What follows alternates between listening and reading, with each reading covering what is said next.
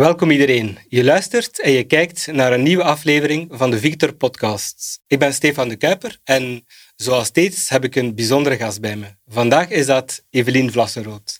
Welkom. Dag Evelien. Hey, dag Stefan.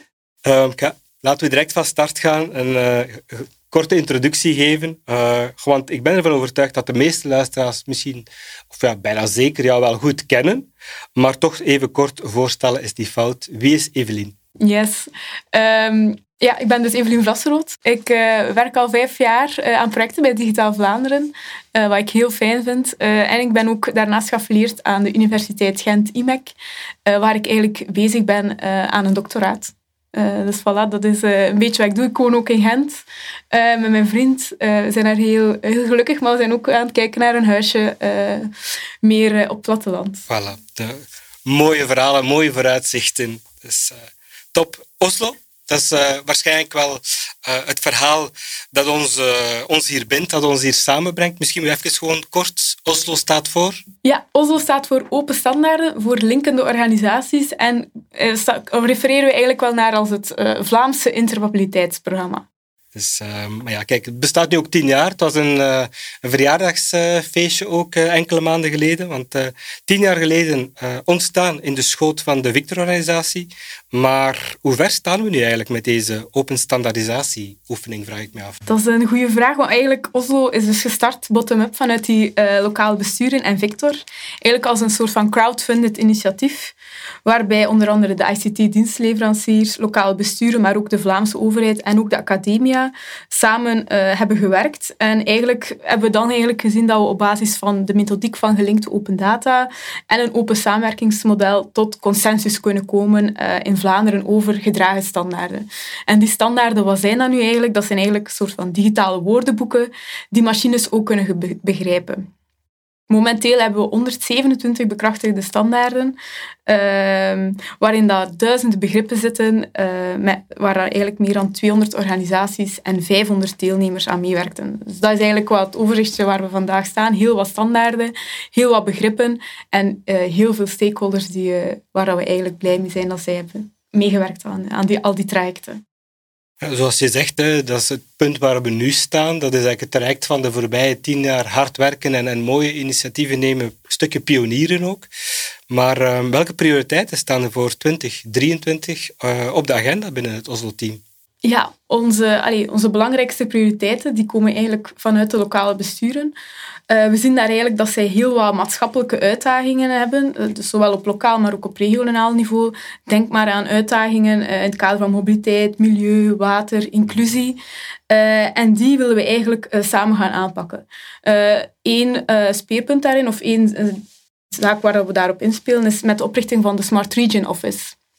Uh, waarbij dat we eigenlijk op een gecoördineerde manier uh, ondersteuning geven aan eigenlijk al die initiatieven en die eigenlijk op een goede manier willen laten verlopen.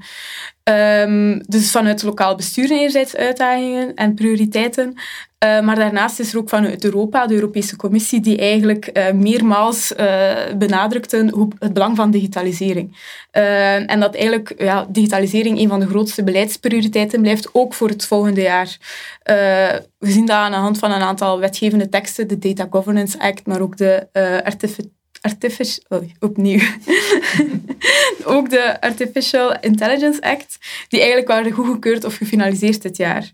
Um, en eigenlijk geven die teksten een duidelijke richting waar we naartoe moeten gaan in Vlaanderen, uh, maar ook met de lokale besturen. Uh, en eigenlijk willen we daar vanuit Oslo in de kern zitten en mee invulling daaraan geven. Um, data moet vlot kunnen stromen in Vlaanderen en het moet eigenlijk toelaten om innovaties te creëren die zowel um, de transparantie van de overheid versterken, maar ook de industrie en het welzijn van de maatschappij mee upliften. Ja, het is uh, een hele boterham. Hè. Het is uh, een heel complex verhaal, maar superboeiend verhaal.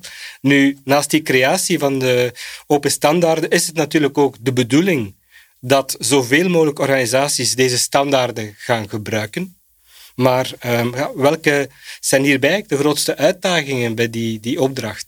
Ja, uh, klopt natuurlijk dat we in de voorbije jaren heel wat standaarden gemaakt hebben in dus die co-creatie met verschillende stakeholders. Maar natuurlijk moeten die standaarden ook in de praktijk gebruikt worden. Uh, dat zien we eigenlijk als een superbelangrijk aspect van het Oslo-programma.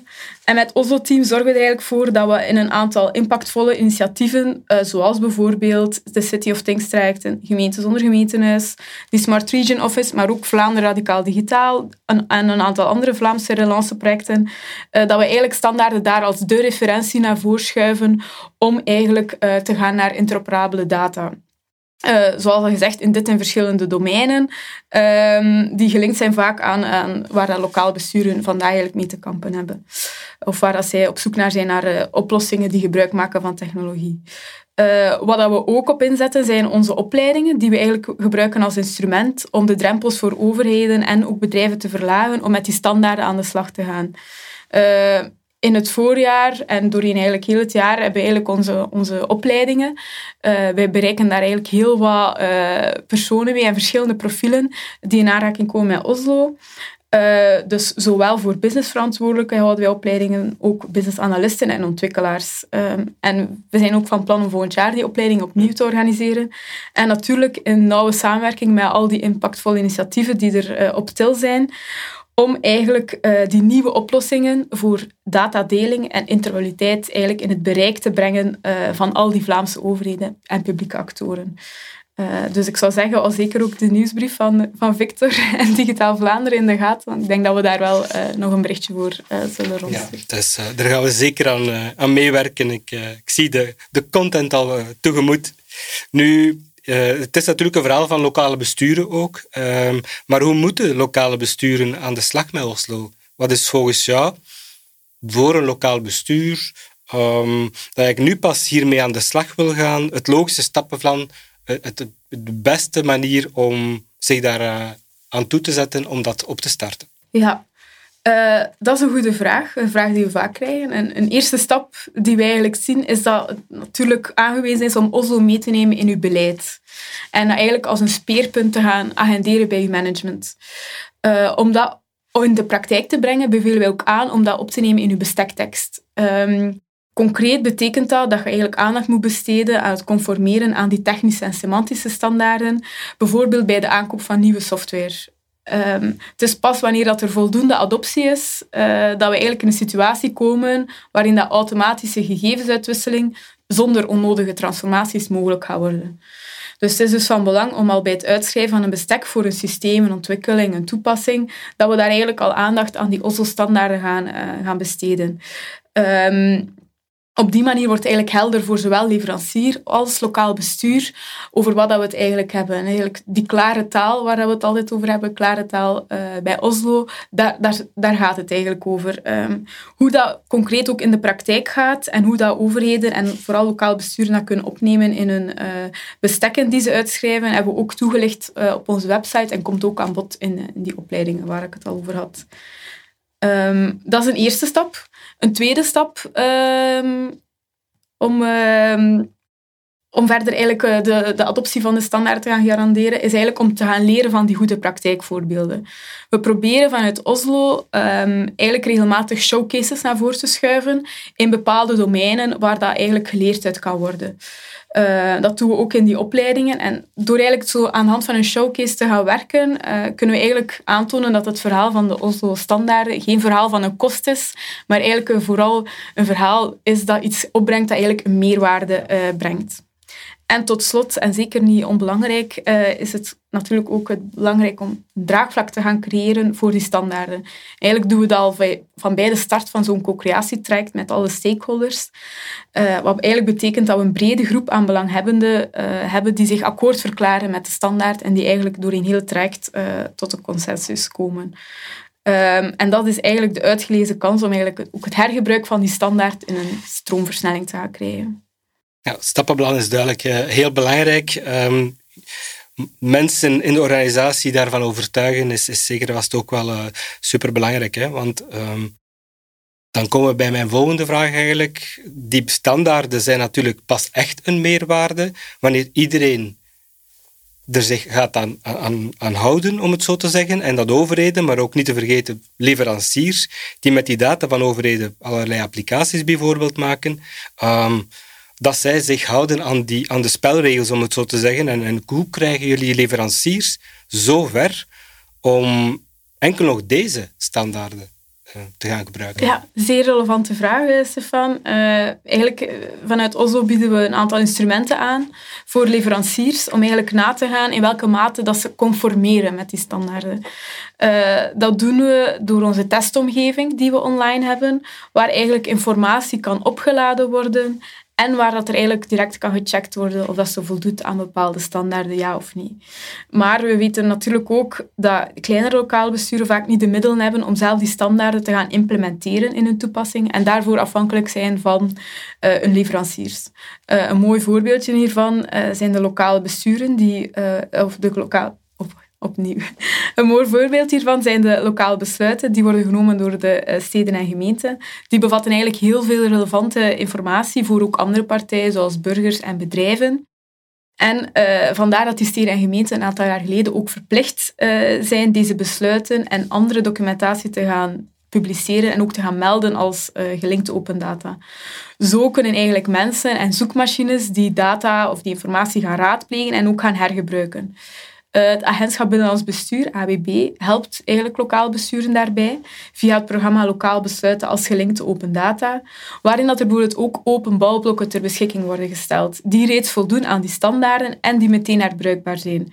Ehm, daarnaast hebben ze zelf ook een volledige toepassing voorhanden, gelinkt notuleren, ehm, die eigenlijk volledig inzetbaar en herbruikbaar is uh, en ook conform die OSO-standaarden wordt gemaakt. Dus door eigenlijk in te zetten op die testomgeving, die bouwblokken, uh, die toepassingen uh, die gebaseerd zijn op de standaarden, willen we eigenlijk die leveranciers dus zoveel mogelijk ondersteunen uh, in de implementatie. Maar niet enkel binnen de besluitvorming zien we dit soort initiatieven, maar ook in andere domeinen, zoals bijvoorbeeld groenbeheer en cultuur, zien we eigenlijk een enorme versnelling de laatste jaren, vooral omtrent die adoptie van, van de standaarden en de implementatie in die eigen toepassingen. Nu, meer naar de praktische kant. Ik kan me inbeelden dat je heel veel al mooie voorbeelden kan geven, maar is er zo heel specifiek een organisatie waarvan je zegt, uh, qua voorbeeld, die hebben het echt wel helemaal begrepen ondertussen. Uh, dat zijn mensen die inspiratie kunnen zijn, die met hun verhaal, die ademen reeds al goed uh, Oslo en, en die, die standaardisatie die daar rond zit. Heb je zo'n mooi voorbeeld om de mensen te inspireren? Ja. Een, een, eerste voorbeeldje is misschien gewoon ook in het algemeen. Eigenlijk alle organisaties die ooit hebben meegewerkt aan zo'n Oslo-traject, zien we eigenlijk als uh, ja, organisaties die, uh, waarvan we ook kunnen zeggen dat zij Oslo ademen. Zij hebben mhm. meegewerkt aan dat traject, zij hebben daar tijd en effort in gespendeerd. Dus dat zijn er zeker al, al, al meer dan 200 eigenlijk intussen. Dus die zien we al. Maar daarnaast natuurlijk ook een mooi voorbeeldje van een project waar we zeer trots op zijn, is die, de collectie van de Gentenaar. Uh, dat is eigenlijk een project waar dat, uh, waarbij Gentse musea, erfgoedinstellingen en inwoners een cultureel erfgoed delen. en concreet verenigt dat project het, het, erfgoed van het Designmuseum van Gent, het STAM, het Industriemuseum, het Huis van Alijn en ook het Archief van Gent.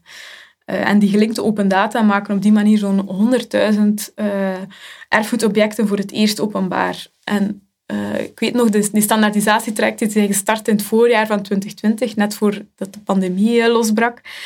En op 22 april vorig jaar, ik heb het even opgezocht, werden die eigenlijk bekrachtigd door het stuurorgaan. Dus eigenlijk, die standaarden zijn ontwikkeld geweest op een, op een vrij snel tempo.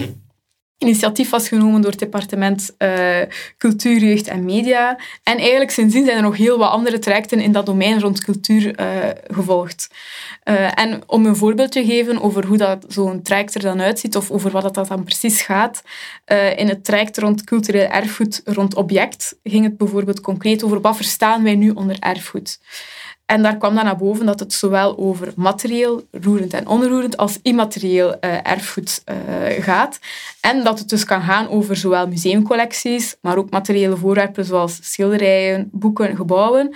Maar ook over die immateriële aspecten, zoals de tekst, het beeld, het bestand, maar ook nog belangrijk misschien ook het idee dat daarmee wordt uitgedrukt. Uh, zoals bijvoorbeeld een traditie, een gebruik of een ambacht. Dus dat was voor ons zeer interessant. Dat is een beetje een inkijken in zo'n traject. Eigenlijk gaan we helemaal ontrafelen hoe dat zo een bepaald begrip eruit ziet en wat we eronder verstaan. En uh, vandaag de dag zien we dat Gent en Antwerpen, twee grote steden, vandaag al volop inzetten op die standaarden om eigenlijk die erfgoeddata van haar instellingen te gaan ontsluiten over eigenlijk die silo's heen. Uh, en op die manier worden eigenlijk een aantal stedelijke uitdagingen aangepakt. Uh, en worden eigenlijk een aantal vragen over de steden heen beantwoord. Als ik mij zou afvragen van oké, geef mij alle schilderijen met een moeder en kind in de collecties van de, de, steden Gent en Antwerpen, dan kan dat.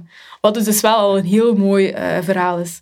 En niet niet te min is dat ze ook onlangs de Vlaanderen Digitaal Award hebben gekregen uh, voor meest duurzame eh, project. En eigenlijk, uh, de jury was vooral overtuigd omwille van uh, de duurzame inspanning die ze leveren om eigenlijk zo'n grote hoeveelheid data te gaan ontsluiten. Ehm, wat ik hier ook bij Oslo uh, mooi aan vind, of waar we denk ik nog een extra inspanning ook kunnen leveren, is, het gaat hier over uh, grote steden die eigenlijk die implementatie al gemaakt hebben. Maar het is natuurlijk ook belangrijk dat ook die kleine lokale besturen en de, de ins, lokale archiefinstellingen, musea, erfgoedinstellingen ook gaan ondersteunen om die standaarden te gaan gebruiken en eigenlijk dat project eigenlijk ook duurzaam te maken voor uh, kleinere lokale besturen. Ja, ik denk dat die twee grote steden dan zeker vast een mooie inspiratie kunnen zijn voor een middelgrote stad of zelfs een kleine uh, stad of gemeente, om op die manier uh, iets gelijkaardigs te doen, naar voorbeeld van uit ervaring van uh, mee op de trein, mee dat verhaal ook implementeren. Ik denk dat dat eigenlijk interessant is voor iedereen. Um, nu ook een stukje uh, terug, terugkoppelen, om het zo te zeggen. Uh, we hebben het eigenlijk al gezegd in de introductie. Ozo is een, kindje van Victor dat ondertussen volwassen rondloopt binnen de Vlaamse overheid. Maar goh, een beetje introspectie. Maar hoe kan Victor dan eigenlijk uh, dit verhaal ten volle blijven ondersteunen? wat zou jouw vraag zijn aan de mensen van Victor om, om daar toch nog een rol in te spelen of aan bij te helpen? Ja, Victor eigenlijk staat vandaag heel dicht bij die lokaal besturen. En zij voelen eigenlijk, allee, jullie voelen heel goed aan wat er leeft mm. uh, op het terrein. En bijvoorbeeld via die lokale kenniskringen. Um, en eigenlijk, uh, jullie kunnen in kaart brengen wat er op dit moment speelt uh, bij die lokaal besturen. En wat daar de meest prangende vragen, uitdagingen zijn. En op die manier denk ik dat we vanuit Vlaanderen onze opleidingen en initiatieven daar eigenlijk maximaal op kunnen gaan afstemmen. Dus dat is denk ik al, al een, een mooie samenwerking die, dat we, die dat we hebben en die dat we, waar we verder op kunnen bouwen. Um, dus hier verder op inspelen en misschien zelf ook partijen samenbrengen die een gemeenschappelijke behoefte hebben uh, omtrent een bepaald standaardisatie trekt. Maar ook kunnen wij de, vanuit de behoeftes uh, die jullie capteren, kunnen wij zelf ook ondersteuning bieden bij het implementeren van die standaarden ehm, en zo verder. Maar uh, ook, ook iets mooi, denk ik, waar we op samenwerken, is onze standaardregister en de oplossingscatalogus, waar dat dus eigenlijk het mogelijk wordt dat leveranciers een software registreren en ook aanduiden aan welke standaarden dat die software voldoet. Uh, dat is denk ik een grote stap al naar transparantie toe voor de lokale besturen, om eigenlijk zelf te kunnen zien welke toepassingen nu maximaal inzetten uh, op die interoperabele gegevensuitwisseling. En misschien nog eentje, um, denken we dat Victor ook een rol speelt in het delen van die standaard bestekteksten waar ik het al ook over had. Waar dat Oslo ook natuurlijk als vereiste wordt meegenomen. En op die manier willen we natuurlijk echt die drempel om, te, om de standaard te gaan opteren zo laag mogelijk houden. Kijk, we zullen deze podcast gebruiken om uh, de evangelisatie van het Oslo-verhaal nog maximaal uh, te verspreiden en nog maximaal uh, bekend te maken onder zoveel mogelijk mensen, zodat het alleen maar een, nog een ferme boost kan krijgen. Nu, nog een, uh, eigenlijk een, algemene vraag, maar een extra vraag over dat. Het gaat toch over een groot ecosysteem. Um, hoe kan Oslo relevant zijn voor, voor uh, niet-technische profielen? Ja, wij, horen vaak, oh, het is vaak een technisch verhaal of het is voor, mij niet, voor ons niet relevant. Maar eigenlijk, uh, ik ben zelf ook geen technisch profiel. Eigenlijk willen we met Oslo uh, net dat aanstippen. Want uh, Oslo is dus niet enkel relevant voor ontwikkelaars. We spreken over implementaties, mensen die het moeten implementeren of de business-analysten. Nee. Eigenlijk al die definities die we maken, persoon, organisatie, adres, dat zijn eigenlijk begrippen, concepten waar we over een consensus hebben, maar die eigenlijk ook kunnen gebruikt worden door bijvoorbeeld beleidsmakers in hun teksten. Uh, dagdagelijkse teksten, projectvoorstellen, maar ook bijvoorbeeld juridische teksten. Uh, we zien eigenlijk dat als zij die concepten ook zouden integreren, uh, dat er eigenlijk een bepaalde vorm van ruis die er nu is, over wat bedoelen we daar nu exact mee, dat er dat eigenlijk uit kan. Dat we eigenlijk gewoon ook op een semantische, correcte manier met elkaar communiceren. Um, en daar willen we ook op focussen in onze strategie, uh, door eigenlijk die definities ook in dagdagelijkse tools, zoals bijvoorbeeld Office, te gaan integreren. Um, een flexibele integratie van die definities en die termen uh, in die tools, die dagdagelijkse tools, zorgt er eigenlijk voor dat die niet-technische profielen een semantiek ook eenvoudig kunnen gaan afstemmen op Oslo. En we hebben daar reeds een eerste proof of concept lopen samen met uh, in, in Office, in Microsoft opnieuw, opnieuw in, in uh, Microsoft Word, waarin dat eigenlijk een plugin, waarin dat eigenlijk mensen, als je een bepaald woord typt, dat er dan een suggestie wordt gegeven over um, welke definitie dat daarbij aansluit of welk woordconcept, hoe dat, eigenlijk in Oslo is opgenomen. Dus dat, dat is denk ik zeer interessant, niet enkel dus voor technische profielen, maar eigenlijk om onze begrippen ook uh, herbruikbaar te maken voor niet-technische profielen. Het is uh, mooi dat die beide groepen toch worden aangesproken, dat er zoveel mogelijk mensen kunnen betrokken worden, dat het geen niche in de niche wordt. Nu, we zitten een beetje met een mooi concept waarbij dat we zoveel mogelijk informatie willen verzamelen, maar tegelijkertijd ook ons willen focussen op tien basisvragen. Dus we zijn reeds aan de laatste vraag voor jou gekomen, Evelien.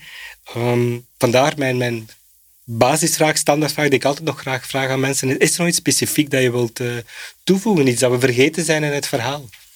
Uh, ik denk dat, dat ik wel alles uh, wat heb verteld. Maar wat ik ook in het bijzonder misschien wel nog wil toevoegen, is dat, dat we Victor ook willen bedanken voor uh, de, de tien jaar samenwerking die dat we er hebben opzitten. Maar dat we ook graag vooruitkijken wat we kunnen doen. Ik denk dat er een aantal dingen aan bod zijn gekomen, maar ik geloof dat er nog veel meer in de zit aan te komen. En de relance-projecten die nu op til staan, het Vlaams Data Nutsbedrijf, de Vlaamse uh, Smart Data Space. Ik denk dat daar heel wat potentieel ligt dat we ook uh, gaan samenwerken en kijken hoe dat we de lokale besturen kunnen versterken en eigenlijk die maatschappelijke uitdagingen samen kunnen aanpakken. Uh, dus ja, wij kijken er alvast naar uit om nauw met de Victor community uh, aan de slag te gaan en uh, die uitdagingen samen aan te pakken. Perfect, dankjewel, dankjewel. En ehm, kijk, deze podcast is ideaal voor de verdere evangelisering van het uh, OSO-project. Dankjewel, Evelien. Yes, dankjewel, Stefan.